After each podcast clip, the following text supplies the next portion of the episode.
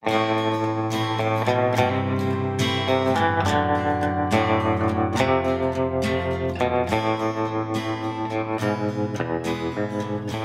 hei. Du hører på Bortekamppodden. En podkast om psykisk helse i idretten. Velkommen skal du være. Dette er den første podden vi gjør. Eh, jeg heter Per Ivar Staberg. Jeg er grunnlegger av eh, organisasjonen Bortekamp, som eh, jobber med psykisk helse innenfor idretten. Vi ønsker å fortelle historier til våre idrettshelter, både nåværende og gamle idrettshelter. Mann og kvinne. For er det sånn at eh, det å være, og kanskje til og med leve av eh, idretten sin, er det en dans på roser, eller er de eh, like mye mennesker som oss andre? I Bortekamppodden så vil du møte en del eh, kjente idrettshelter, som sagt, men også en del ukjente som er knytta til idretten og kanskje andre eh, bransjer eller deler av det norske samfunnsliv. Felles for dem alle er at de har en historie å fortelle. De har vært nede. De har reist seg. De har fått hjelp. De har vært åpne om det.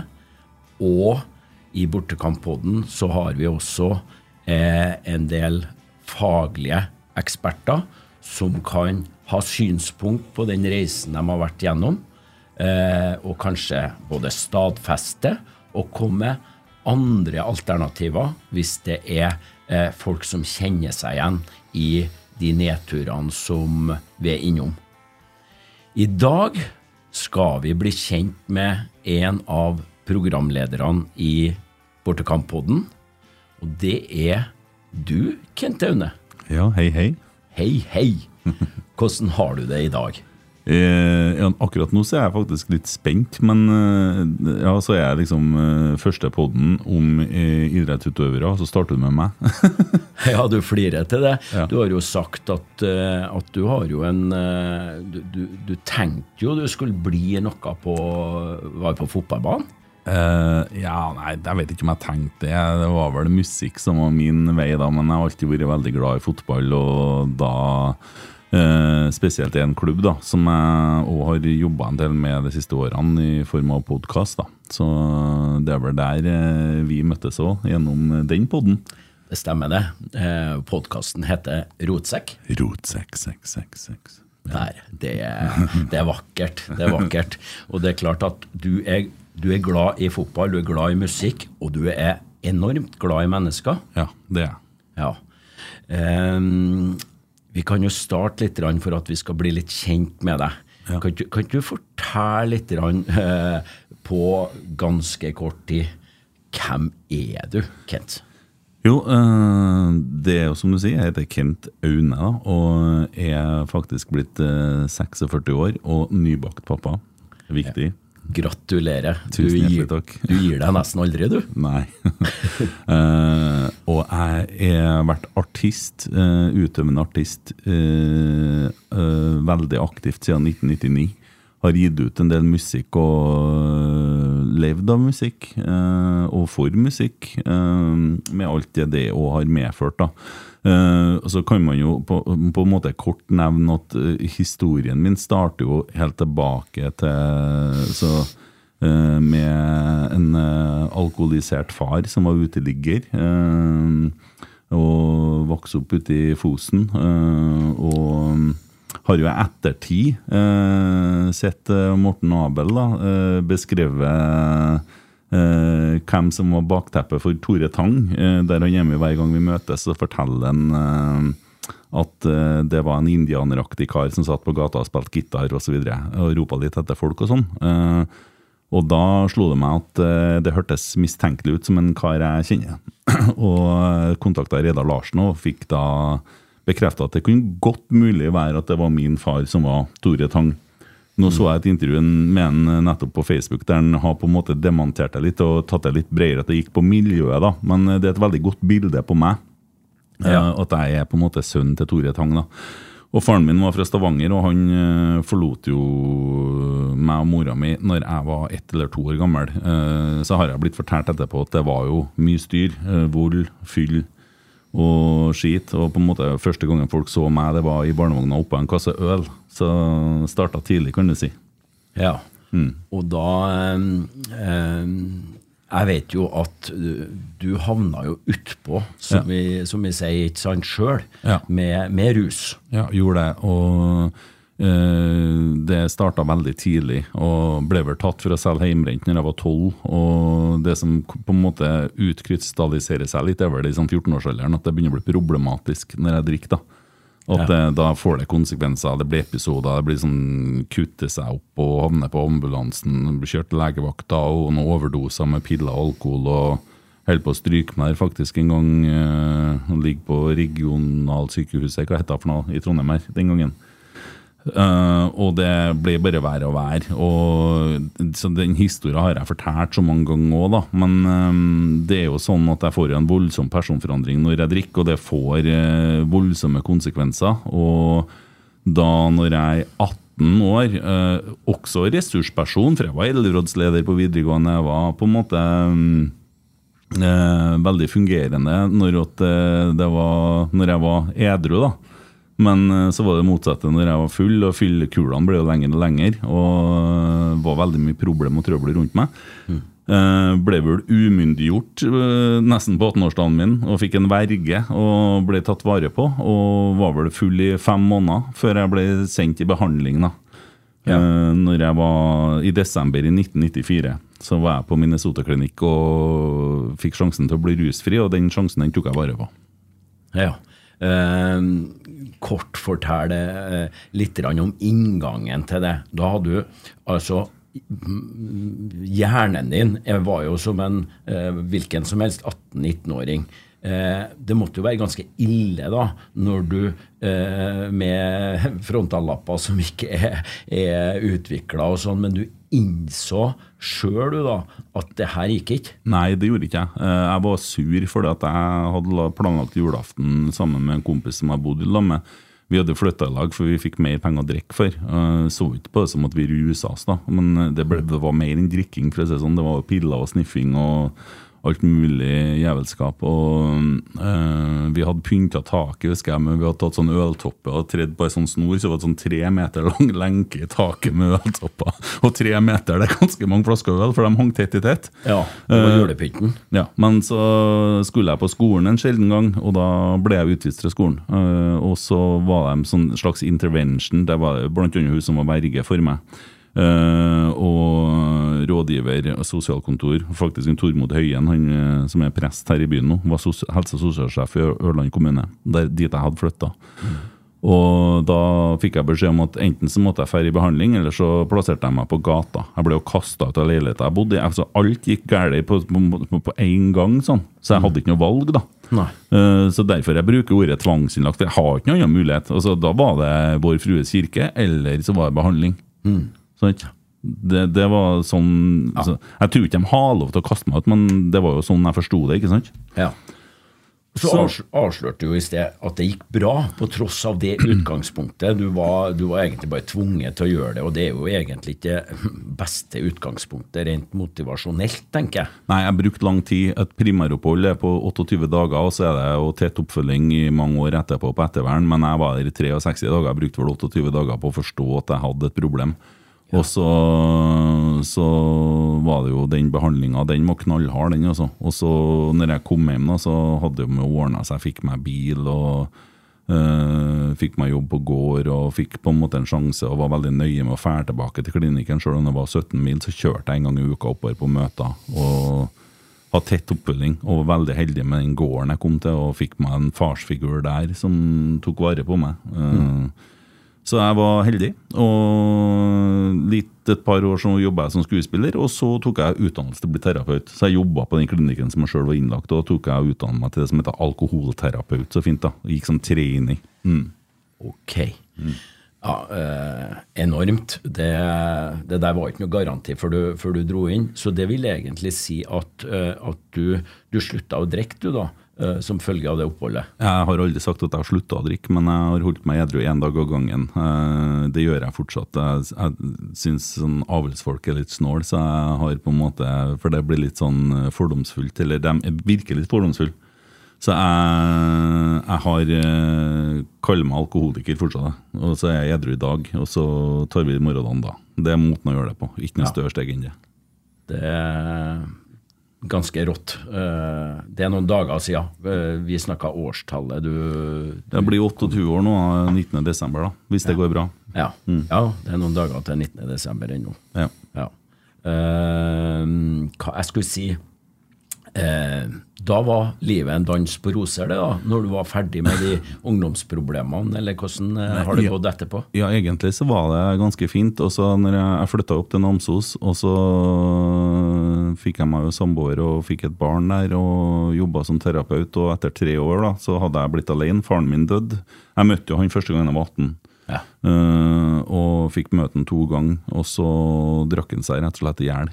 Eh, eh, og det klarte jeg å få til på samme uka, så jeg flytta fra hun, mora til dattera mi, og så sa jeg opp jobben. Og så døde faren min, det skjedde på samme uka, så da var jeg en liten, liten smell.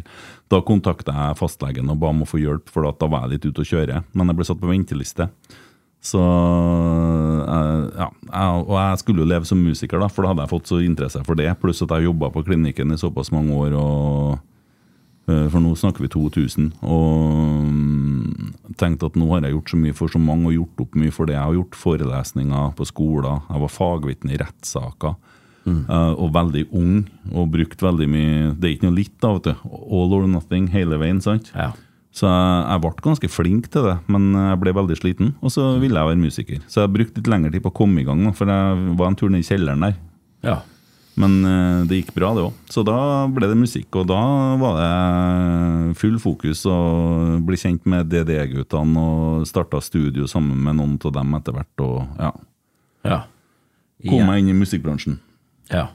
Eh, så spoler vi bare enkelt og greit frem til 2013. Ja, eh, da hadde jeg i løpet av den tida blitt gift og fått tre barn. Og så har jeg jo vært på veien og spilt 2000 konserter siden 1990. Så jeg var fryktelig mye bort. Fryktelig mye meg. Uh, og bodde sammen og var gift uh, med en dame på Rørvik som begynte å si at hun syntes jeg skulle søke hjelp, for det var veldig mye meg. Og det var veldig mye høyt opp og veldig langt ned. Ja. Spesielt høsten, husker jeg. Da var jeg Stille klokka var det verste jeg visste. Ok. Ja, da ble det mørkt. Eh, Det var tunge tak. Og så var jeg på spilling på Rørosmartnan i februar 2013, så fikk jeg telefon om at hun ville skilles. Og da, da ble det ganske ille, altså. Da var du langt ned igjen. Ja, øh, jeg husker jeg hadde to spillinger til før jeg kunne dra hjem. Og jeg sov ikke på to døgn, jeg spiste ikke. Og gjennomførte spillingene til glans, egentlig. Øh, for det å stå på scenen er ikke så vanskelig, for da er du liksom i en rolle. Øh, og den rollen henger igjen litt etter du går av scenen nå, og så krasjlander du. Sånn har det alltid vært. Skjønner at folk som står på scenen og når det står 500 stykker og roper navnet ditt, og så plutselig sitter alene på et hotellrom, det blir litt sånn bruhopp, da. Og det er egentlig jævla slitsomt. Uh, men da for jeg opp til Rørvik, da, og da Hun ville ikke være gift med meg lenger, og det var ikke pga. noe jeg har gjort. Jeg har jo gjort en del dumme ting, men uh, det var måten jeg var på. Ja. Ja. Nok var nok for hennes del. Ja, og da hadde vi ei datter på fire, ei på tre og ei på ett. Eh, og jeg begynte jo selvsagt en kampanje der jeg skulle prøve å vinne igjen hun. Uh, fikk jo en liste over ting som ikke fungerte, og den var lang. Eh, Men jeg prøvde jo Altså, jeg ble helt forferdelig. Jeg var intens. Jeg var um, overalt hele tida. Eh, ikke spist, ikke sov, og det gjorde jeg fram til juni. Uh, og gikk ned 25 kilo og kjørte meg helt på felgen. Og da har jeg så mye Hvis hun var ute for eksempel en tur, så ringte jeg sikkert ti ganger mens hun var ute. Jeg var helt Jeg var desperat. Snakka med mye folk, skulle ha bekrefta følelsene mine. Altså, jeg klarte ikke å tenke hel setning uten at jeg avbrøt meg sjøl, på en måte. Det var, så, det var helt tullete. Og så våkner jeg da på sykehuset i Namsos, da. Og da hadde jeg vel forsøkt å avslutte, da. Ja. eh, men eh, er det? det? Det er noe du bestemmer for, da. For da var det, da var det Det er veldig vanskelig å si sånn direkte, for på en måte så tror jeg jeg har bestemt meg for at det var løsninga, for at jeg var så stor belastning for omgivelsene og syntes det var irriterende. et tid etterpå med folk som kom og sa at du må tenke på ungene dine, for jeg mente at det var akkurat det jeg gjorde.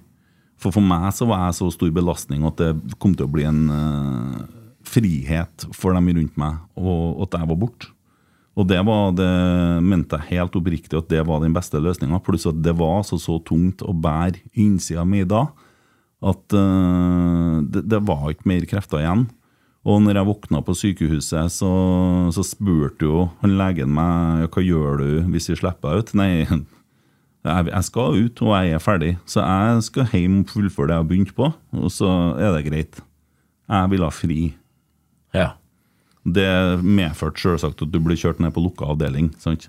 Selvfølgelig. Ja, og da var jeg jo der og satt sammen med noe Ja, det føltes ikke ut som jeg hørte hjemme der akkurat heller, men det var jo på en måte bare en sånn Men så var jeg litt heldig, da, for der var det jo en psykolog, Eivind Olav Evensen, tror jeg han heter, eh, som var veldig tøff, da, og fikk konfrontert meg en del med måten jeg var på når jeg var der. At jeg skulle liksom være det beste klienten som var der. Jeg skulle være best eller verst, uansett hva det var, så skulle jeg være Skulle vises, da. Også der. Ja. Men det var altså Jeg var butikksjef da. Jeg hadde jo begynt å jobbe og var butikksjef i Coop og hadde jo ansvar for en butikk og alt sånt, og det var, det var sånn kaos. Men etter ei uke så husker jeg jeg for hjem eh, til Rørvik, og da var jo huset tomt. Så da gikk jeg i ett år og så på tomme barnesenger, og ble egentlig bare sjukere. Men jeg, jeg drepte meg ikke sjøl, da. Nei. Jeg bare eksisterte. ja. Så da kom jeg fram til at nå må jeg gjøre noe, så jeg ringte Namsos til gammelsjefen og sa at jeg må få komme hjem. Jeg slutta jo på en måte å leve av musikk i um, 2007, og da begynte jeg å jobbe i byggebransjen. Eh, Men jeg flytta da til Namsos og satte en betingelse til jobben om at jeg må få gå på sykehuset, for jeg må finne ut hva som er feil. For det er noe som er galt oppi hodet på meg. Og jeg, jeg rår ikke ved det. Og jeg, så, og jeg må få tida til å jobbe med det, og så skal jeg jobbe så godt som jeg kan. Og det var helt greit. Og hver gang jeg var på time på sykehuset, så så øh, var jeg tilbake til sjefen, og så sa han liksom sånn øh, Hva har du lært i dag? Hva har dere jobba med? Hva kan vi gjøre her på jobben for å legge til rette for at du skal fungere her? Og det var ikke så lett for dem å jobbe sammen med heller, for jeg var fortsatt sånn som skulle ha mye oppmerksomhet, prata fryktelig mye, eh, hadde veldig store følelser. Og da mener jeg veldig store følelser. Ja. Eh, så lærte jo det den gangen, da. eh, etter hvert som jeg fikk diagnosen, for det var jo nummer én. Først må vi finne ut hva som er galt, vi må finne ut hva det er som, som er problemet her, før man begynner å jobbe med det. ja. Og eh, da fikk jeg stilt en diagnose som heter emosjonell ustabil personlighetsforstyrrelse. Også populært kalt borderline, og det er jo på en måte det verste, for det er liksom så nedverdigende. Men det brydde ikke jeg meg noe om. Og så forstår jeg det at hvis følelsene mine har hatt hud, så var det som om at 90% av den huden har hatt tredjegrads forbrenning. Og så alt som skjedde, sånn berøring til meg, det føltes så sterkt Ja. at jeg klarte ikke å slippe det. Da blir du utrolig sliten. Og det svinger fra time til time, ikke sant? Ja. Ifra helt oppi til helt nedi. Det, det er vanskelig å tenke seg til, men jeg syns du bruker jo en bra metafor med, med en forbrent hud. ikke sant? Eh, Det er noe alle har kjent på, at eh, det er eh, veldig vondt å bli toucha da. Mm. Men du sa til meg en gang at en av nøklene for at du begynte igjen da, på en ny gjenreisning, var at du anså den diagnosen på lik linje med at det var en fysisk skade. Ja. Jeg jobba med det som om det var en idrettsskade. Altså, her er problemet, nå må vi løse det. Eh, hva begynner jeg med? Jo, jeg begynner med å finne eh, en slags form for balanse. Så lager jeg meg sjøl en sånn idé om center of gravity, som de snakker om når de er ute og flyr. At jeg har, det sto veldig høyt, og jeg svinga pendelen, gikk veldig fort fra side til side. Eh, og så så jeg jo det at uh, kjæresterier, det bikka meg helt utafor. Uh, damer generelt, økonomi var kjempeproblem, alt det der. Og jeg, jeg var i jobb og sykmeldt og jobb, sykmeldt. Det svingte, og, og jeg kava. Uh, men så tok jeg tak i én etter én etter én ting hele veien, og sto i det. Og var helt åpen med omgivelsene at sånn er det. Og da oppdaga jeg det at alle sier at det er bra at du er åpen, men når du er sjuk, altså når du baler, og det, det, du er fortvila, og det føles vondt, det du føler, så klarer ikke nødvendigvis omgivelsene å forholde seg til det. Så du får beskjed om å skjerpe deg, ta deg sammen, eller at du skal du får sånne råd, da, for folk skyver det litt bort. For at de vil jo ikke ha dere der i fanget. Nei. Sant? Og, og fordi at det blir et problem. Mens at jeg var jo så nidig. Jeg trengte jo noe, jeg trengte jo noe omsorg, jeg, jeg trengte forståelse og sånne ting. Og det var det egentlig jeg fikk da eh, med, med profesjonelle. Og så måtte jeg på en måte prøve å balansere meg ut. Så oppdaga jeg i 2017 det som går på fysisk trening. Ok, Ja. få høre. Jeg begynner å gå på fjellene, og jeg går og går og går. Og så De første turene så er det ille, for jeg er dårlig forfatning. Jeg har ikke rørt meg siden jeg var- var 16. Uh, og blir i veldig bra form. Setter meg noen mål. Jeg skal klare å komme opp på heilhornet i løpet av sommeren 2017, og det klarer jeg. Og fortsatt så er det sånn Det er jo ikke sånn at det her er en stø kurs opp mot toppen. Verken emosjonelt eller det. Det er noen Fysisk, setback. Men jeg gir meg ikke, for jeg har et mål. Og det har jeg jo med meg sjøl, da. Så møter jeg kona mi, eh, og må da flytte. Og sette min meget eminente, kloke, gode fastlege Namsos Jan Laugen på saken. Jeg skal flytte til Trondheim, og jeg skal fortsette å jobbe med meg sjøl. Det er nummer én. Finn en psykolog til meg Ja. som funker. Så, og det eh, klarer han jo. Det gjør han jo, for eh, det viser jo seg at han er jo i ditt liv i dag òg. Og ikke nok med det, han er til og med her i podkasten for å fortelle litt om hvordan han har Eller hvordan dere har jobba sammen. Eh, Så Trond Haug, velkommen til oss. Tusen takk. Da må vi få høre, Trond, hva, eh, hvis du kort kan, kan fortelle litt. Eh, han har fått den diagnosen han sa i sted. Du får en, en ny Kaller dere det pasient eller klient? Vi kaller det pasient. Ja. Jeg jobber jo da i spesialisthelsetjenesten og, og får da pasienter etter henvisning fra førstelinjetjenesten, da, som da er gjerne fastlege, da, som han beskriver. da. Ja. Så kommer de til spesialisthelsetjenesten, da. Ja. ja. Eh, kan ikke du ikke bare fortelle hvordan eh, den første tida, og hvordan, hvordan dere har jobba for å komme til, til det resultatet som, eh, som har blitt det på veien?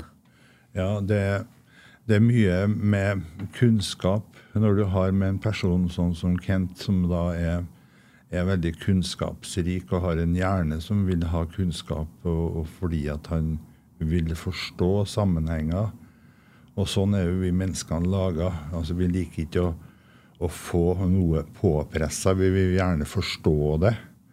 Og å forstå er noe dypere enn det å vite. Altså, Folk vet mye, men det å forstå er et, et, et trinn lenger opp. da. Så det å forstå det Man møter det gjerne med å sjekke eh, hvor mye som forstås her, og, og det har han jo vist nå da, gjennom samtalen her, at eh, han forsto at det er en sammenheng i ting. Vi menneskene liker å, å forstå sammenhenger. Eh, I motsetning til for 150 år siden så var vi skjebnetro. Altså Når det skjedde noe, så trodde vi det var en mening fra oven om at det der, der var sånn det skulle bli når vi ble syke og alt mulig sånn. At det var min skjebne. Men i, i den moderne verden så er vi kausalitetstro. altså Dvs. Si vi vil gjerne vite årsak og sammenhenger og årsak og virkning. Og, og det hadde han, den bagasjen hadde han med seg. Og um, jeg har lyst til å understreke det som jeg gjør i min, mitt arbeid hele tida. Og det er det at det, det er ingen som starter selvmedisinering uten at de har noe å medisinere. Og sånn kan man se på dette med alkohol og annet stoff som man tilfører seg. Da har man en smerte som man vil behandle. Det er ikke helt feil, det som mange tror, at man kaster terning, og så velger man å begynne å drikke det istedenfor noe annet. Så billig er vi ikke. Så det er sjølmedisinering. Og der har det da skjedd for å, for å validere det som jeg sier her nå, så og, og, kunnskap er viktig. Kunnskap er viktig for meg. Validere så var det når jeg begynte i psykiatrien, og som ufaglært begynte jeg der jeg fikk smaken for faget, så spurte de om det er det, er det, er det alkohol eller er det psykiatri. Altså, er folk syke, eller er det bare drikking? Altså, det, var, liksom, det var to forskjellige verdener. Og, og, kom det en til en psykiatrisk akuttavdeling med store problemer, og det lukta alkohol, så ble han kasta ut. For da var, det, da var, det, Blå Kors, eller da måtte en gjøre noe annet, eller stoppe å drikke. Det var veldig mye moralisering, moralterapi rundt det. Mm. I dag så har vi da noe i psykiatrien som heter i spesialisthelsetjenesten som heter ROP. Og det er rus og psykiatri. Og det er da en, en anerkjennelse av at det henger sammen. Altså den her smerten som vi har inni oss. Og mange har en smerte med seg.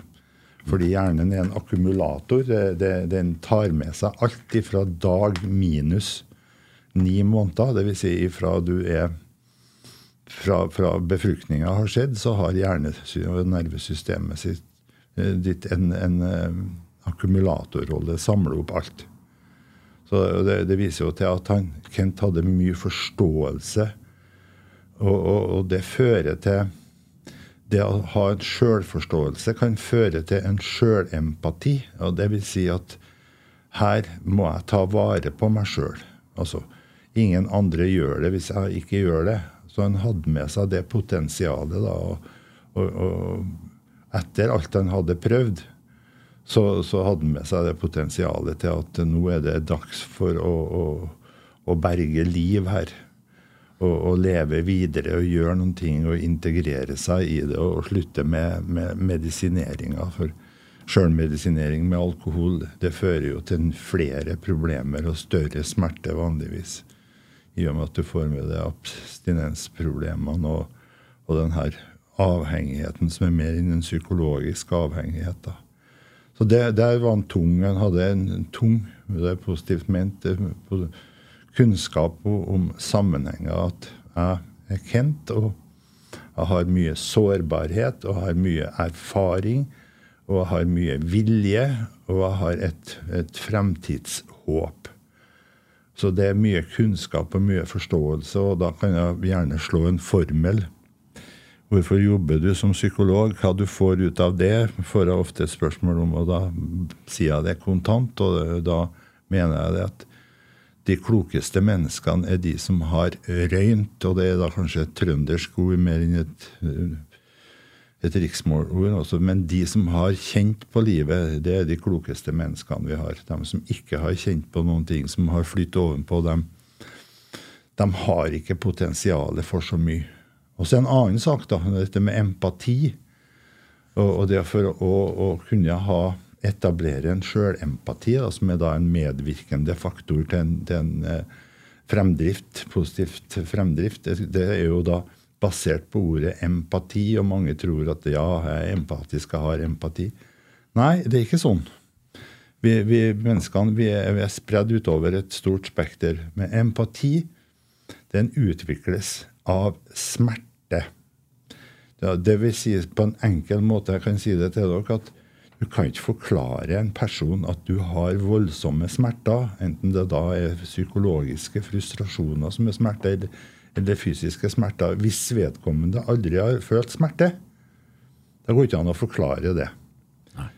Så de som har følt smerte og, og, og røynt og, og, vært i nærheten av og gjennom store kriser, de blir de mest kloke og empatiske menneskene vi har i samfunnet.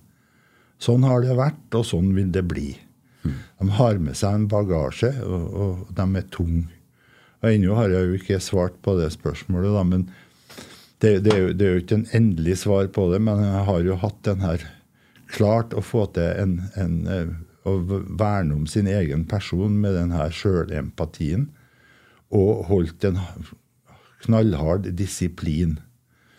Og så har vi fått stabilisert livet, og det er jo det han sier om den emosjonell ustabile personlighetsforstyrrelsen. Det er jo da det er jo et resultat av lang tids ustabilitet. Og er vi i ustabile påvirkninger, så blir vi ustabile. Og vi andre menneskene da, som kaller oss stabile, vi klarer ikke så godt dette med ustabilitet. Det at ting varierer som torden og lyn og rock og folk hele tida. Det klarer vi ikke så godt hos andre. Vi klarer ikke å ta imot det. Men når en da får, får plattformen sin til å stå noenlunde rolig, så er det jo at det stabiliserer seg hos han også. Og dette måler vi jo. Vi, måler, vi har jo sjekklister for å måle de her forstyrrelsene. Og, og, eh, så gikk det jo over, da, hos Kent. Altså, stabiliserte seg og, og, og, fylte da ikke lenger kriteriene for en Det er jo kriterier for diagnoser også. De må fylle kriterier. Kriteriekrav kaller vi det. Han fylte jo ikke lenger den da til den diagnosen. og og, så, så, den diagnosen ble jo ikke borte. Sånn som journalføring, så skal jo ting bare eh, rediagnostiseres. Det heter jo faktisk det, da. Det er mange som lurer at diagnoser skal skrives med blyant. Det, det, det, sier de, de som er nestorer i, i internasjonale diagnosevirksomheten. De sier jo det. Og det betyr bare én ting, og det betyr at vi, diagnoser er en, en ferskvare, som vi kaller det i dag. At det er liksom ja, det må rediagnostiseres.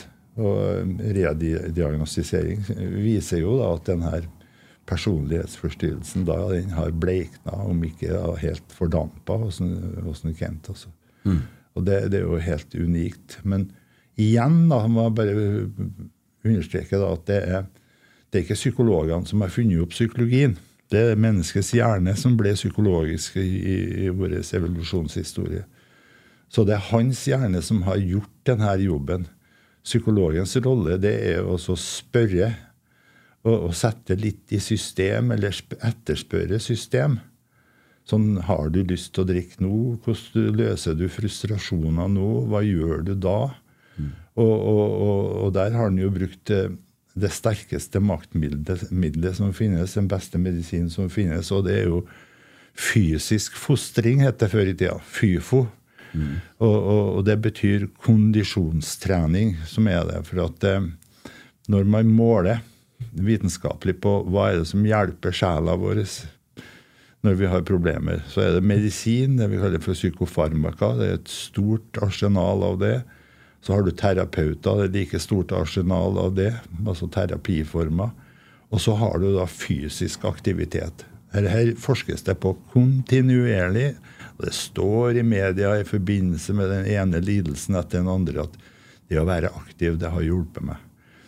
Mm. Sier folk. Enkeltvis og igjen og igjen og igjen. Og det viser at akkurat dette med fysisk aktivitet den er suveren. Den klasserer ut både psykologer og, og medisin på, på, det å lage helbred. Og ja, er det magisk? Nei, det er ikke magisk. I evolusjon så ble det laga altså, ble det laga sånn ble det favorisert sånn. Da ble det liksom selektert sånn at kroppen den belønna hjernen når den fikk lov til å være aktiv. Tenk på om det hadde vært motsatt, om den formen der hadde blitt snudd opp ned. Så har vi jo ikke eksistert som art heller. Så der ligger det veldig, veldig mye. Og, og der har du jo vært veldig flink. da. Altså Du har jo trena, og du, du, du var, jo i oppløpet til å bli maratonløper også, men eh, Heldigvis, da. Jeg tror jeg for, jeg er for gammel til det. det. Jeg måtte slutte med det. Jeg slutta på halvmaraton. Ja. Det, det, det, det, liksom, da, da, var det ikke skjelett eller muskler nok til å holde på med det. Da. Men det viser jo at du hadde iallfall det middelet, og det har du jo fortsatt i dag. Mm. Har du ikke det? Og så har du jo har du jo slått enda mer røtter da, med å bli nybakt pappa, så du er nødt til å ja, du skal jo være med henne på håndballkamp om 20 år. Mm. Ikke sant? Fotball, fotballkamp. Fotballkamp, ja. Ja, ja. han spiller jo fotball òg. Ja. da. Så det skal du jo. Og da må du jo være med. Og da må du jo finne en liten lykke en eller annen plass med litt sånn hjemmetrening og sånt òg. Mm. Og om 20 år så er du ja, er gammel, da. 66, da. Mm. Mm. Ja, men det er bra, det. Holde deg i form, da. Du mm. må det.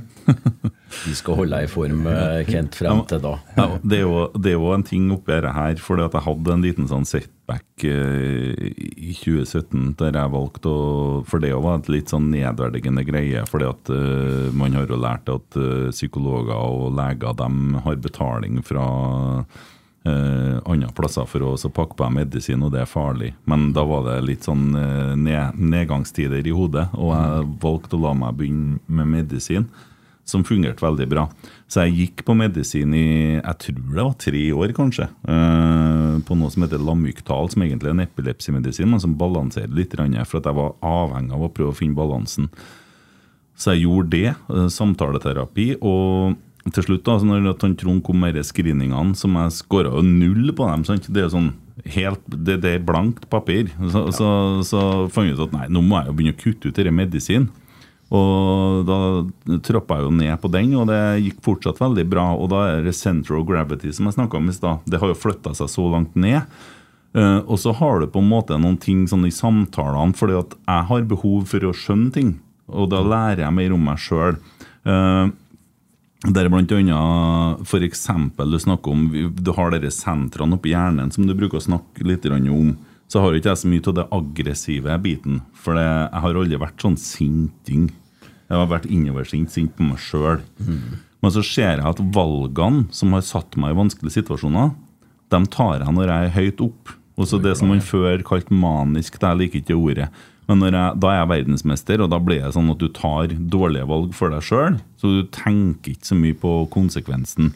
Så jeg forsto at det var ikke når jeg var deprimert at det var skummelt det var når jeg sto på scenen. ikke sant? Mm. Når jeg, også at jeg måtte tåle det. Ja. Jeg måtte tåle å ha det bra. Du ser folk som meg for mye penger. Så blåser de alt på én dag, og så er det rett i kjelleren igjen. Jeg måtte lære meg det. Jeg måtte mm. tåle det. Og det, det, krever litt kunnskap, og så krever det faktisk at du har eh, For altså, det er vanskelig, det der, for du blir så høy at du tåler alt. ikke sant? Mm. Uh, og så var det det med å tåle mine egne følelser. Det synes jeg, Vi har snakka litt om det. Det der med hvor godt har jeg tålt mine egne følelser, og hvorfor har det blitt sånn? Og så begynner jeg også, og det her, her skjer ofte når jeg er ute og jogger. da. Mm. At da begynner hjernen min å tenke. Når jeg har utvikla ideer til podkaster, når jeg har skrevet musikk, når jeg har gjort ting, så skjer det ofte når jeg er ute og går tur, eller når jeg springer. Da får jeg ideer. Da plutselig funker hjernen min kjempebra. Det, det, er helt magisk. Det kan jo jeg underskrive på. Jeg tror det er sånn som en Trond sier. ikke sant? Du, du, trenger ikke å ha, verken ha en diagnose eller altså det med fysisk fostring. Mm. Det gir så mye. Mm. Eh, enten du er eh, i midten, høyt oppe eller langt nede. Mm. mm. Det, de siste resultatene på akkurat det du sier der, Per det er jo det, er jo det Til og med hukommelsessentrene får ny giv på det at du er fysisk aktiv. Altså Man ser på hvordan ser man på altså Nervesystemet er plastisk, og det er synapser det handler om. Det er hvor mange kontakter hver celle har med hvor mange andre. Mm. De sender ut sånne følelser. De, de, de her vokser, og de dør også når de ikke brukes. Så, så, det viser seg at bare det å være fysisk aktiv er med på å fyre veldig opp i hukommelse, og særlig korttidshukommelsen. Mm. Er ikke det genialt? Ja. Ja, du bare springer gjennom skogen, omtrent gaper og tenker på vanlige baner eller et eller annet sånt, og så der ligger hukommelsen og, og, og, fornye seg og fornye seg og fornye seg. Altså. Mm. Ja, hvor smart vi er laga, egentlig, mm. men hvor dumt vi behandler det. Med, med, å sitte og se på på ingenting og, og, og, alt det her.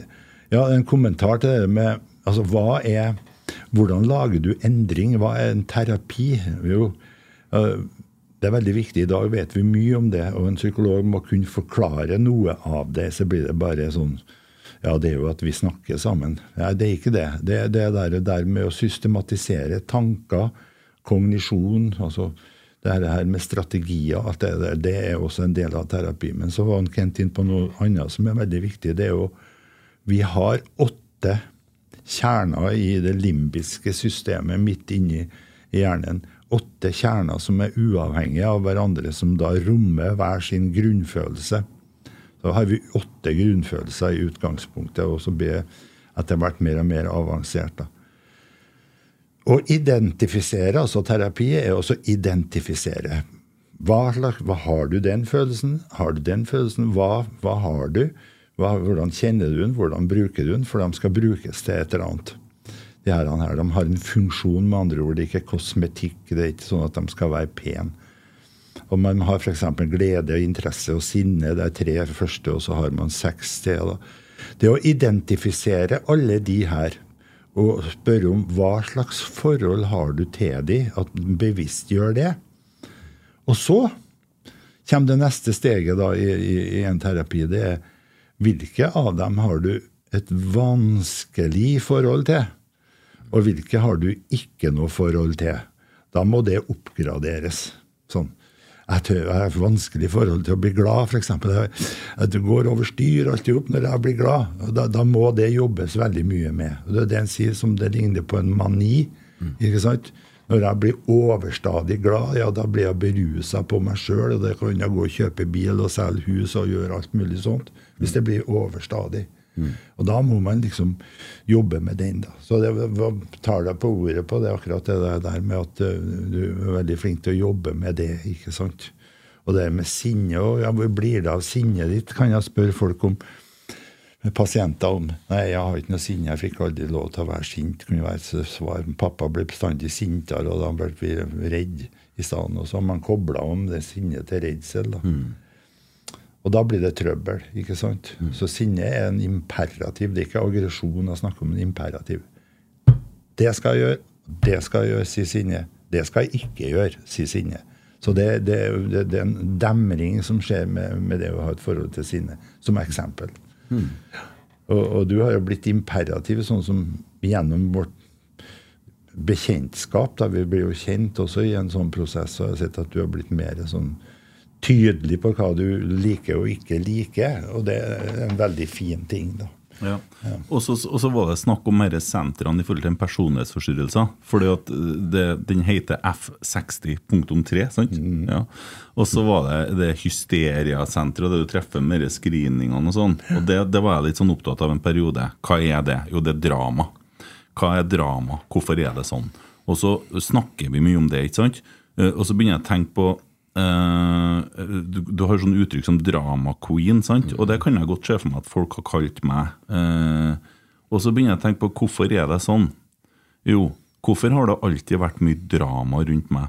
Jo, jeg tror det er helt tilbake til du er veldig liten, så har du kanskje foreldre som er travel, det kan være moderne med en type oppdragelse, det, det, det endrer seg, og du blir ikke møtt på følelsene dine så er det sånn klassisk du har gutten som knuser et glass for at det er bedre å få kjeft enn å få ingenting. Det er sånn, ja. er sånn standard greie. sant? Mm. Men når du da kommer hjem og snakker, og ingen bryr seg, for det du sier egentlig kjedelig, det er på det jevne, men når du kommer hjem og forteller at det har virkelig skjedd noe, det har skjedd en ulykke, da hører de på deg. Mm. Ja, Da må du jo finne ulykkene. Ellers må du skape dem. Ja. sant? Og, og, så gjør du det, og du, så tar du med det til voksenlivet. Altså, jeg har jeg, Det har skjedd så mye i livet mitt at det er sånn vanlig uttrykk Du burde ha skrevet ei bok, sier folk. Sant? For det, det, er mye, det er så mye voldsomt. Ja, Folk snakker om å ha kjørt utfor snøstorm. Hva kan jeg fortelle om når jeg sto fast på Saltfjellet og kolonnen kjørte ifra meg? Det er liksom Hele veien så er det sånn. Det, og da blir det sånn som skulle toppe sånn hele tida. Hvorfor har det blitt sånn? Jo, det, det, det er selvsagt helt tilbake til det så når folk spør meg hvordan går det med deg, nei, er det noe nytt å fortelle? Nei, det er ikke så mye nytt å fortelle, og det er egentlig veldig bra. Ja, ja. Dramakongen har lagt seg. Poenget er at det er ikke så mye nytt som skjer. Så, jo, så, Selvsagt er det høydepunkt i livet, og sånn, men det å øve seg på uh, Men samtidig så har jo ting pika en plass her, så det, det, det, flater jo litt ut også med at man modnes. da. Mm. Men det er ikke så enkelt å bli over 40 og bære følelsene til en tolvåring. sant? Da skal du jobbe litt aktivt med det. da Og mm. da, må jo, da, må du jo, bli møtt der, da. Og det er jo det Trond på en måte har vært en stor gave for meg, da, for det er ingenting som har vært farlig. Og det har jo ikke vært knirkefritt hele tida heller, og det har jo vært ting som har skjedd, og da har det jo vært en helt, helt unik kontakt, vil jeg si. Altså, Jeg har jo kommet på ekstratimer med sånne nød, nødstilfeller også, og, og, og, blitt sett og visst at jeg har på en måte en trygg havn. da. Uh, og, og, det har vært helt unikt for meg. Mm. Trond, du hørte jo han sa uh, i forhold til det med alkoholismen, ikke sant, som det, det er langt tilbake i tid, men som han, han, han sier han har på en måte garden oppe hver dag. Han tar én dag om gangen. Er det, er det, en, eh, er det en, den eneste veien å, å, å, holde en avhengighet i, i, i sjakk? Nei, ikke den eneste veien, men det er en måte å takle livet på. altså Ting må ha generalitet. Det kan ikke bare være i forhold til alkohol. Sånn gjør man i forhold til alkohol eller i forhold til overspising eller noe sånt. Nei. Det må være lovene vi har, eller tilrådningene vi har, må ha generalitet. Og faktisk da så er det sånn for alle vi tre som sitter, at vi lever akkurat nå. Vi, vi lever i dag. Og er vi, er vi realistiske nok, så får vi si at det er i dag. Men så vil vi gjerne da planlegge litt lenger framover. Og, og, ha langtidsplaner også. Men det er fint å ha begge delene. Å ha en mm. korttidsplanlegging og en langtidsplanlegging. Mm. Og jeg er sikker på at uh, Kent har en langtidsplanlegging som, fordi man sier det at jeg er edru i dag. Men jeg vet ikke. I, i morgen så, så, ligger det også en langtidsplanlegging der. Det, det, ser du på livet. Jeg skal ikke påføre en, men det ser du på livet hans. At han mm. har planlagt det, det der. Og da må han planlegge noe annet enn alkoholdestruktiv alkoholbruk klart. Ja, altså det, det, men det, det, kommer fra noen ting. Vi sier da også i psykologien at alle kommer vi fra samme sted. Vi kommer hjemmefra. Mm. Og det er klart at eh, hjemmefra der har det skjedd mye for de fleste av oss, og det bør det gjort. Som jeg sier, de klokeste blir klok av det. Skal du ha, bli en god problemløser, så må du ha noe problem å løse. Det er oppe, oppover. Og man formes jo av det her med ustabilitet. Altså Hvordan kan et barn bli stabil hvis det er ustabilitet som råder? Altså rundt man, man, man, lærer seg det språket, man lærer seg den tenkningen på sånn at nå, nå, må, jeg, nå må jeg virkelig stå den over, eller nå må jeg ta til motmæle, eller nå må jeg passe på. Det, det der, der blir masse ustabilitet i det der. Og så gjør jo barn det at de internaliserer. Dvs. Si at etter hvert så blir det en regel. ikke sant? Her er det her er det full storm hele tida. Og jeg må ha med meg en storm sjøl for å bli sett i den stormen der. For det er én ting vi menneskene er Halvparten av hjernen vår er opptatt av relasjoner, altså det å ha forhold til andre. Og tenk deg et barn som ikke da er verbalt utbygd, merker det at man, man merker ikke det, men man merker hvor avhengig man er av relasjoner. Altså alt sentrerer seg rundt foreldre og nærmiljø, familien og sånt.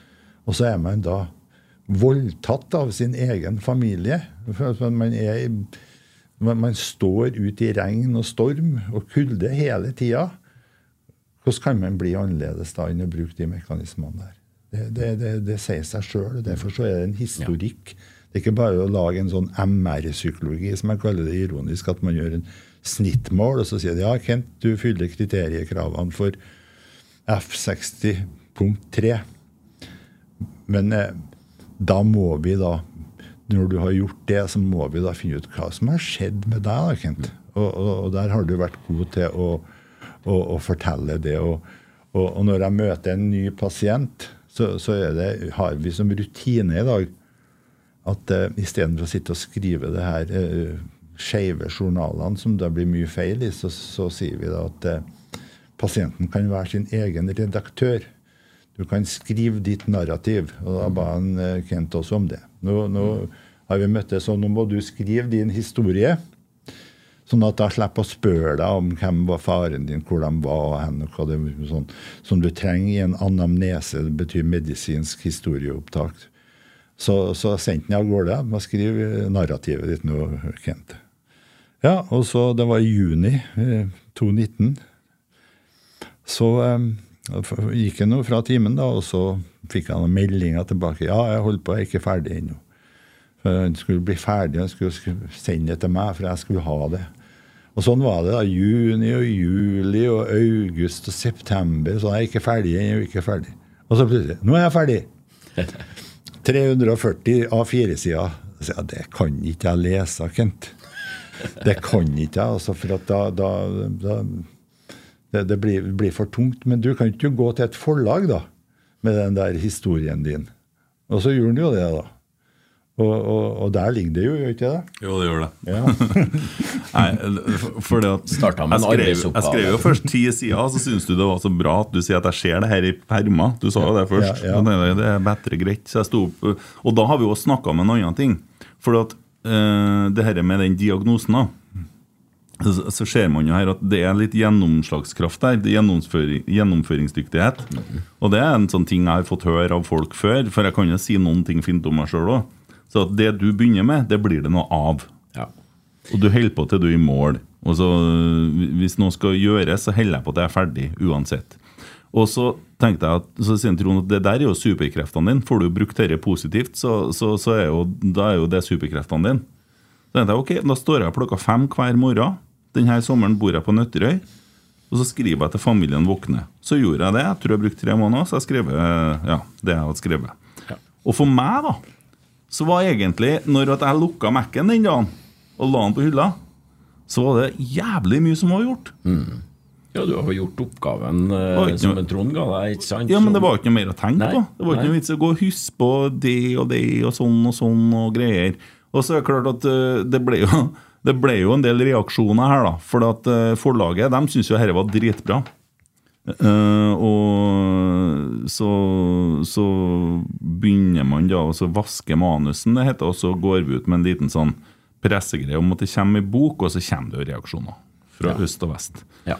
Der folk reagerer voldsomt negativt. eh, og noen tror at jeg har skrevet om dem. Noen tror at jeg har eh, skrevet herre for å sverte noen. Eh, men jeg har rett og slett skrevet det for å hjelpe noen. da. ja. Ikke noe annet. Ikke sant. Og det er jo derfor Jeg husker jo godt det, når jeg bestemte meg for å ansette deg i, i, i bortekamp. Det er selvfølgelig det du har fortalt frem til nå, og det vanvittige ordet eh, gjennomslagskraft. For det har du. Eh, du hadde ikke trengt å sagt det en gang når vi satt eh, noen meter borti, borti huset her og hadde en, hadde en jobbs, jobbsamtale. Eh, for det var det noe du merker. Eh, du merker utrolig godt. Og så er det akkurat den følelsen som går veldig godt hen i, i, i, i, i hjertet og egentlig visjonen til, til bortekamp. Vi gjør jo dette her for å hjelpe folk. Eh, og, og da har jeg lyst til å så, eh, snakke litt med dere eh, begge om, eh, om det vi kaller bortekampmetoden hos oss. Der vi egentlig starter med å kombinere en, en, en modig historie. For det er ikke dermed sagt at eh, for du om du har fått ting på stell, og du skriner null eh, på diagnosen, eh, diagnosen din nå, så er det ikke noe automatikk i at du skal fortelle om den reisa. Det er det jo ikke. Nei. Nei. Så eh, poenget med bortekampmetoden er at du starter med ei naken historie. Du åpner kofferten din, viser frem hva som ligger i kofferten din, og at det nå antageligvis er stort sett tellekanter, men noen ganger så blir jeg jo eh, litt sånn hulter til bulter inni der òg. Og så prøver vi å søke faglig rådgivning, som ved ved en Trond her i dag, og vi har andre med oss også, som på en måte skal bevise at ok, det du har gjort, eh, det du har opplevd, og, og den reisa du har, har eh, gjennomført, den gir mening, også i et faglig perspektiv. Og når du kombinerer de to tingene der, så opplever jo vi, når vi er ute på foredrag både i næringslivet og ikke minst i idretten, det at de her eh, Vi snakker om ofte tabubelagte ting, ikke sant? Eh, psykisk helse er ofte eh, Folk har vanskeligheter med å snakke så åpent om det som en, som en fysisk skade. Derfor jeg var litt interessert i akkurat det der når du anså eh, problemene dine som en hvilken som helst fysisk skade, da satt du i en posisjon til å virkelig eh, begynne tilfriskninga. Ja, jeg, jeg, for jeg husker godt at jeg har, jeg har sett at folk som eh, ikke er veldig åpne, Ja. som får en ryggskade, kommer og forteller meg hvordan de datt, hvordan bilen sto parkert, hvor de sklei hen, og hvor det gjør vondt hen. Så detaljert at det er ikke til å tro. Nettopp. Og så spør de hvordan det går med dem ellers, så sier de jo takk, bra. Ja. ja. Og jeg mener at verden må komme dit at det er like naturlig å få en fysisk, et fysisk skrubbsår, strekk eller hva det er. Fordi at eh, eh, altså, Vi lever jo livet ut fra emosjoner. Og, og, og, og Du ser da folk som sitter i rullestol, som har det bedre enn folk som ikke gjør det. for å si det sånn. Ja. Hva kommer av det? Ikke sant? Og da er vi på det med at det skaper åpenhet. Det gir kunnskap, det gir troverdighet, og det skaper også mot til å øh, fortelle om kanskje at man ikke har det så, så bra.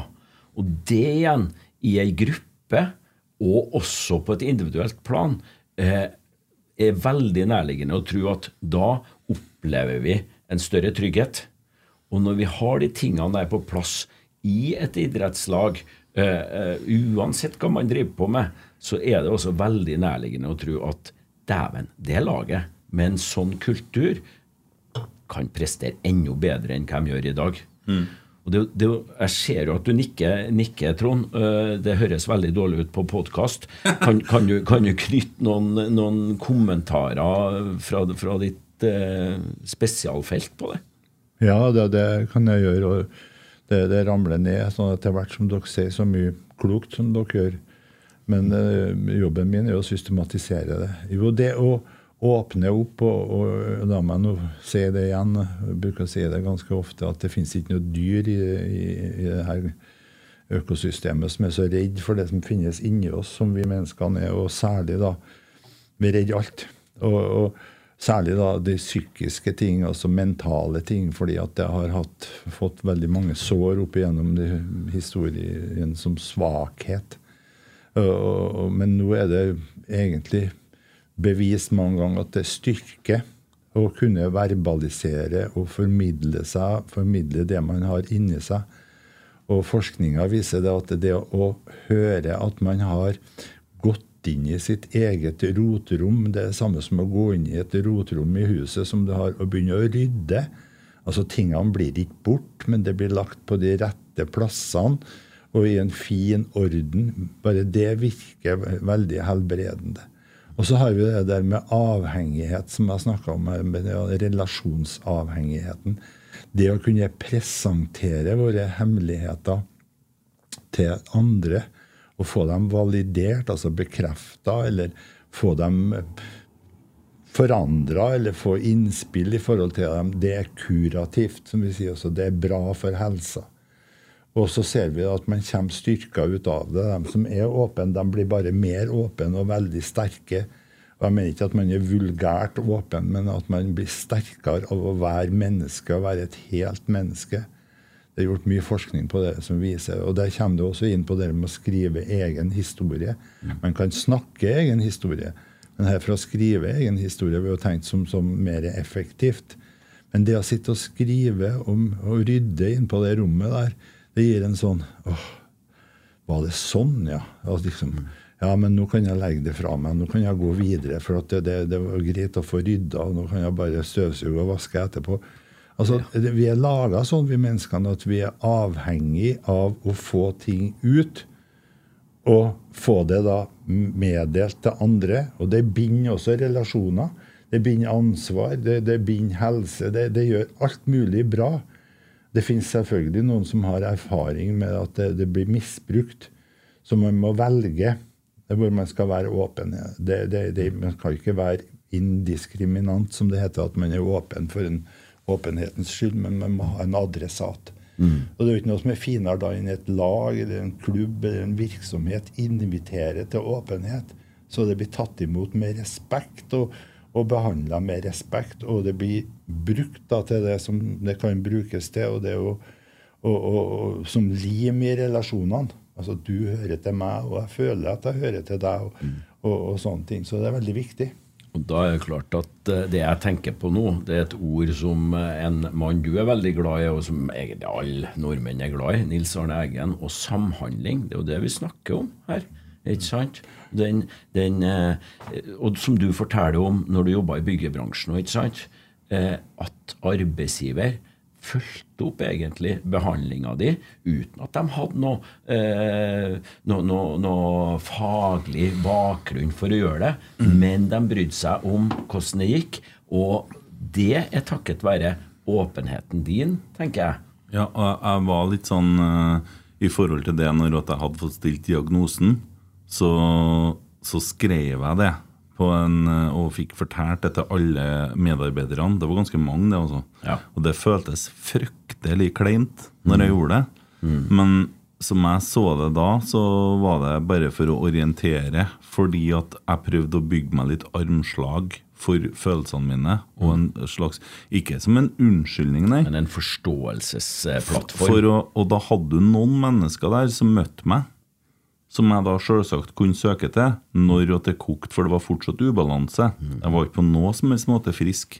Det det samme gjør jeg når jeg flytter til Trondheim og møter Stine. Så fremmer jeg det her og står i det. Og det her er en, eh, For nå kommer jeg inn i en stor familie som sier 'Å, har du en diagnose?' 'Å, er det det?' Det var interessant. Hva gjør det med deg? Hvordan er det for deg? Ja, men velkommen hit. Ja. Vi tar vare på deg. Her er det rom for det. Ja. Og, og, og, og, det, hvis vi, hvis vi ser um, det forrige sportsåret uh, i retroperspektiv, ikke sant, mm. så er det jo en del utøvere som har stått frem med personlige problemer. Ja. Uh, og, det er klart at de er modige. De er steintøffe. Hvordan har, uh, har samfunnet respondert på det? jeg synes hvis vi skal dra fram et enkelttilfelle, om vi kan gjøre det, ja, ja, selvfølgelig. Ja, så har du en historie i Lillestrøm med han Tobias som står fram med angst. Han klarer ikke å spille lenger. Hei. Og så flytter han inn til Gjermund Aasen, så vidt jeg har skjønt det, og er der i en måned. Altså, De møter det med forståelse, og han blir sykmeldt. Og så tenker jeg at jeg håper at ting er så bra som det er, fordi jeg er òg veldig skeptisk til hvordan samfunnet er i forhold til sånne ting, fordi at jeg er musiker. Ja, jeg vet det. Og, og jeg må bare få si det.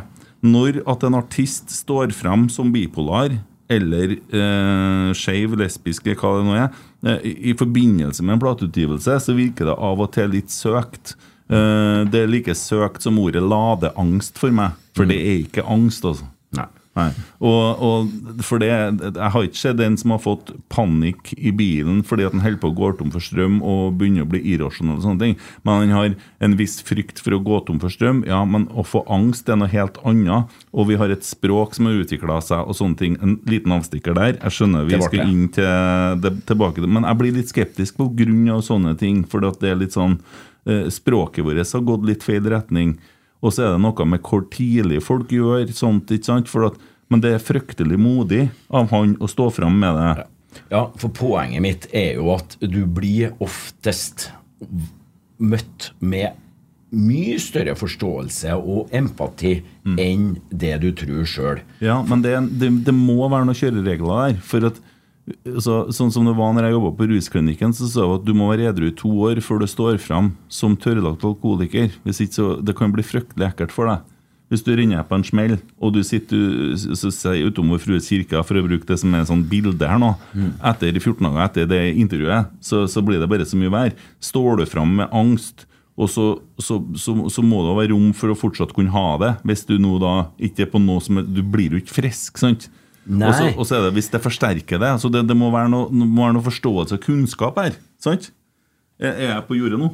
Jeg, jeg, jeg, tror vi snakker om litt to, to forskjellige ting. Jeg er gangen. ut, etter, nei, ut etter forståelsesbegrepet. Ja. Eh, kunnskapen, den kommer, den. Mm. Eh, hvis, hvis, at man eh, har eh, skaper rom for forståelse. Mm. Da blir man nysgjerrig, som du har vært, på sammenhenger osv. Og, så og man eh, tør å sette seg ned med dem som eh, åpner kofferten sin og ja. forteller om, om, at det er rot inni her. Ja.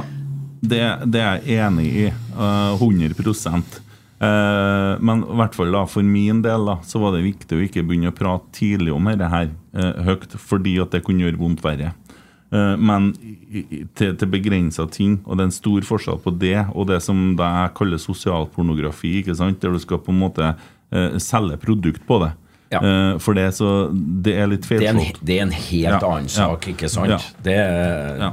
Det er vi enige om. Ja. Ja. Så kommer du til det, det biten der som, er, som er, går på det du beskriver. Helt fantastisk. 100 Ja, det er ingen som, øh, som blir møtt med skepsis. Og hvorfor, hvorfor forteller en om sånne ting? Hvorfor står hun fram med det?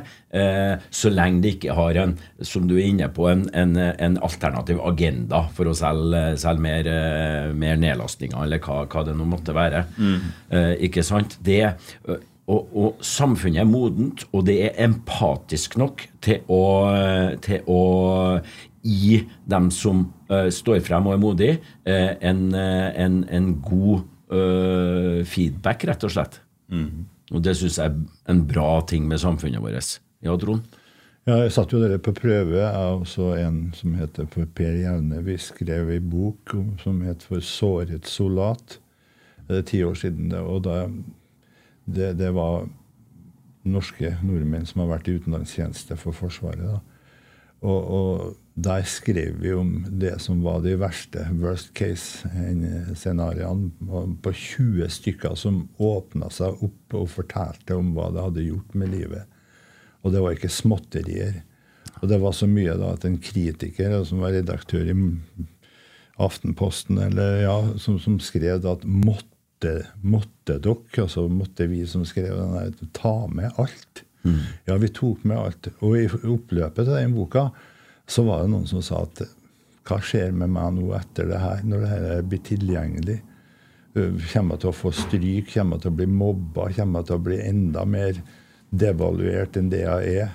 Så viste det seg at eh, vi gikk gjennom det veldig nøye, men hver enkelt av dem fikk påskjønnelse for å ha vært åpen og direkte og bare skryt og støtte og forståelse, ikke minst. Ja. Det var ingen som fikk noe, noe, noe, noe pepper, eller hva det heter nå også på det. Det var, det var liksom sånn Nå forstår jeg deg. Nå, nå, nå, nå syns jeg jeg kan ta vare på deg. Nå syns jeg jeg skal hjelpe deg. Det var det som var resultatet. Og det var det fineste resultatet du kunne få Ja. med å sette sammen en sånne stories. da. Så det var bare apropos til det du sa. Ja. Jeg bærer nok òg litt preg av å ha fått noen sånne eh, runder ekstra med, med sånne ting. Sånn at jeg er på en måte Og, og så er det en annen side ved det. ikke sant? Og det, det, Nå er jo det nesten en brannfakkel. Kanskje ikke fullt så brannfakkel når det her blir publisert. Jeg vet ikke. Eh, Men du ser jo hvordan samfunnet fungerer når folk gjør en bommert. da. Eh, vi kan eh, I det siste i media så har det vært to personer eh, som selvsagt har vært direkte klønete. Og, og så ser man hvordan reaksjonene på dem er, hvordan man blir hausa, hvordan det blir omtalt etterpå. Så er det jo dem som nesten blir utsatt for ting. Og der er det full kjør, altså på Twitter og Facebook og alt mulig sånn. Ja. Og der får du det motsatte. For der òg trenger man jo verne om. Når, når folk sier 'jeg dreit meg ut', sorry, jeg, det her var ille, jeg var slem mot en annen person, og jeg skulle ikke gjort det. Jeg var full og dum. Og allikevel så fortsetter man å piske da, eh, i stor grad. Jeg blir litt bekymra, for det blir veldig voldsomt andre veien òg.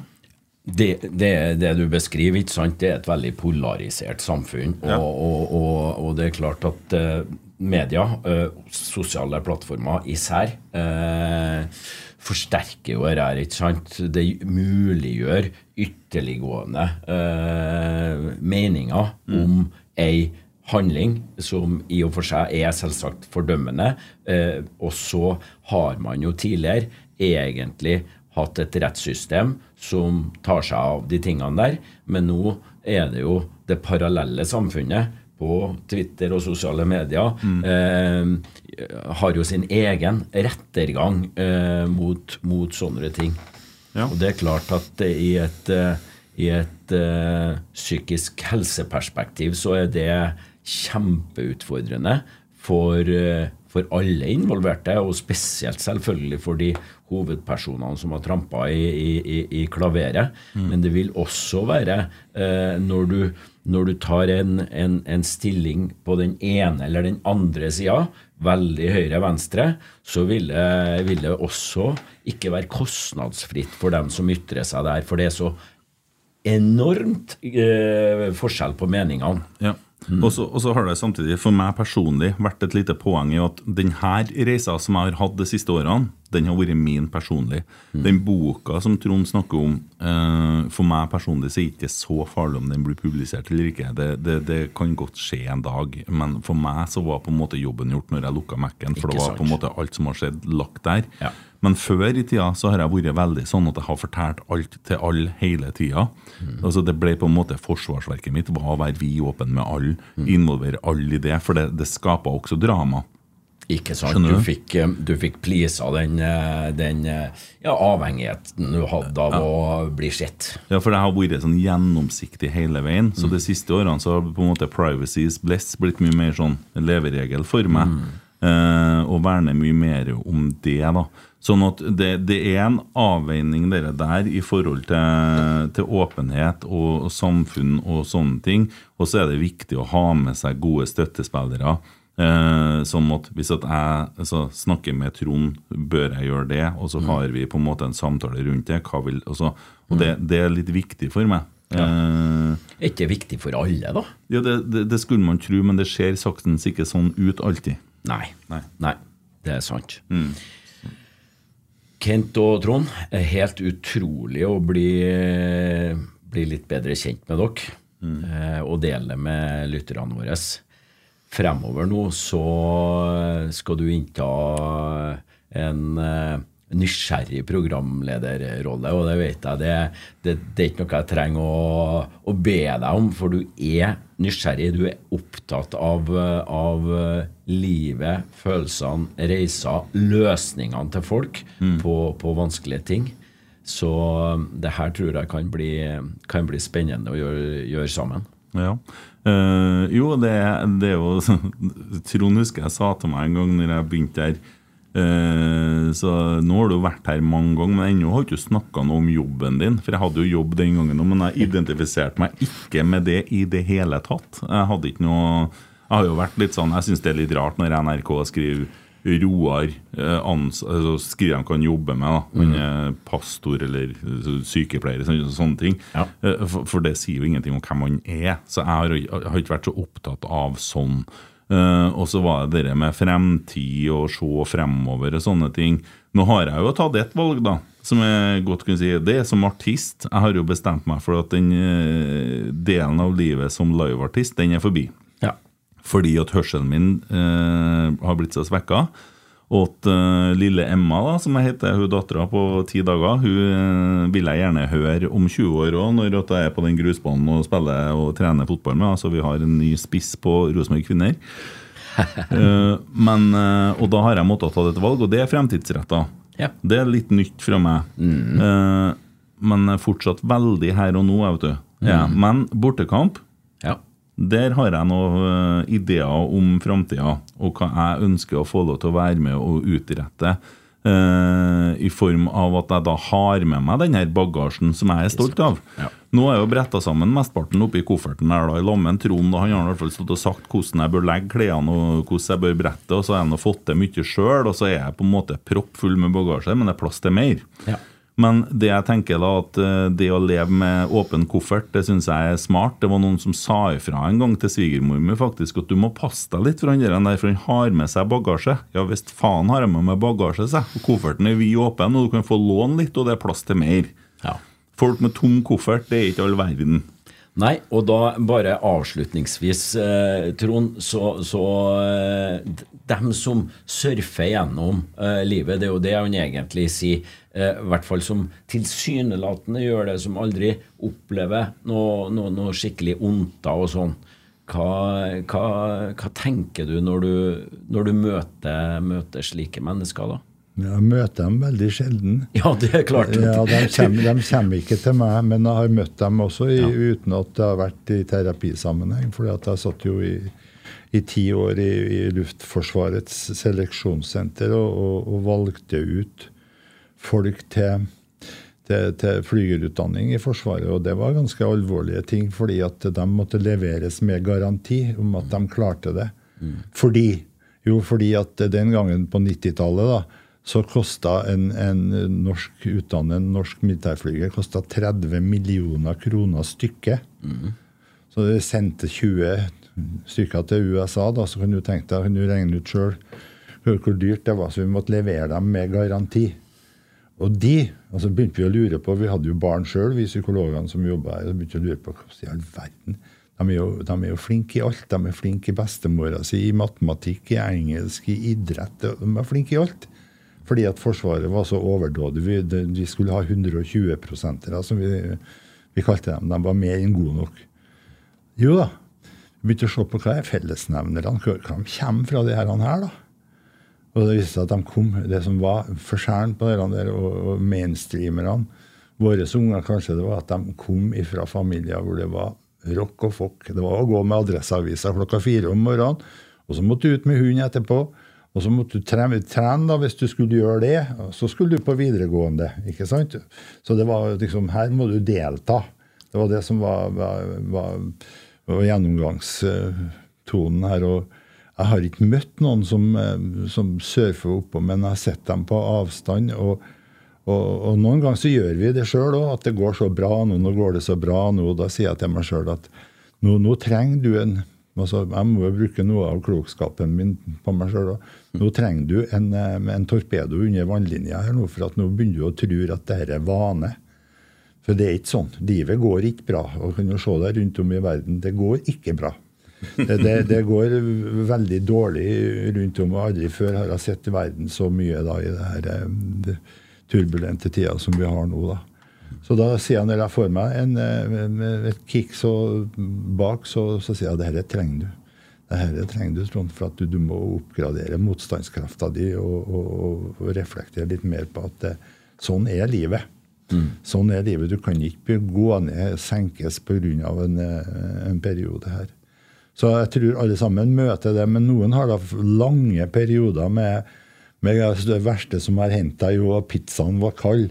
Liksom det, det, det, i, i, lange perioder. Men det, er Da er du fri for det som vi trenger, og det er Hva hør ordet som er et jækla godt ord fra Forsvaret? Stressvaksinering. Altså Skal du tåle stress, så må du vaksinere deg jevnlig. Sånn er det med korona. og må vaksinere deg jevnlig for å holde deg oppe. Mm. Og Det betyr at da må du møte reelt stress. altså Det går ikke an å, å, å henge seg opp i en kald pizza. altså Det holder ikke. Det må, det må være et, eh, en skilsmisse eller et raid hjemme eller, eh, eller eh, kemneren, som det het før, eller skattekontoret, eller et eller annet sånt. Kjenner jeg alle. ja, ja, sant. ja. Du, du, du er Facebook-venner?